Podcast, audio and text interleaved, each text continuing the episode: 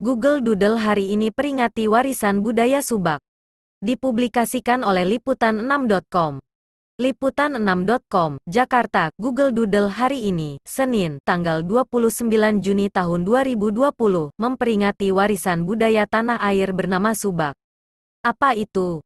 Informasi, Subak merupakan sistem irigasi yang sering digunakan oleh petani untuk mengairi area persawahan di Bali bernama Subak. Melalui ilustrasi yang dibuat ilustrator tanah air, Hana Augustin, Google Doodle kali ini memperingati sistem irigasi yang secara resmi ditetapkan sebagai warisan dunia UNESCO tepat hari ini pada 2012.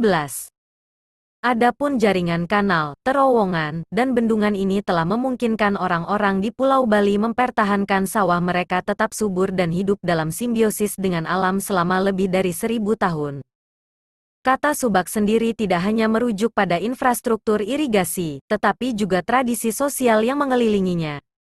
Melalui sistem ini, pasokan air yang terbatas dikelola melalui sekitar 1.200 kolektif petani individu.